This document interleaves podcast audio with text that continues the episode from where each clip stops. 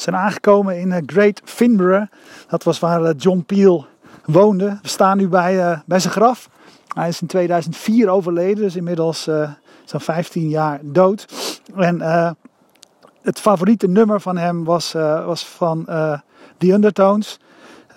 en de, de, de zin van, van dat nummer staat hier op zijn graf. Teenage Dreams, So Hard to Beat. Teenage Kicks is het nummer wat hij vaak draaide en wat uh, zijn allerfavorietste nummer was. Het is een beetje een verlopen boel op dit moment.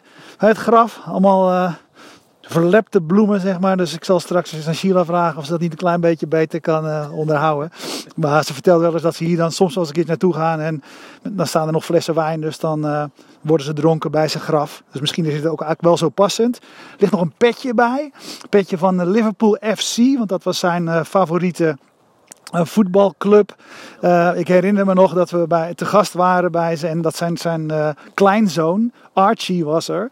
En uh, nou ja, die had al meegekregen in ieder geval van opa. Dat als je voor Liverpool FC was, dan was je in ieder geval niet voor uh, Manchester United. Dus dan zei hij altijd tegen ons van, I hate Man U. Dus dat was uh, waar hij in ieder geval mee opgegroeid is. Groot Liverpool fan was, was John Peel. En groot Undertones fan was hij ook. Vandaar Teenage Dreams, So Hard to Beat.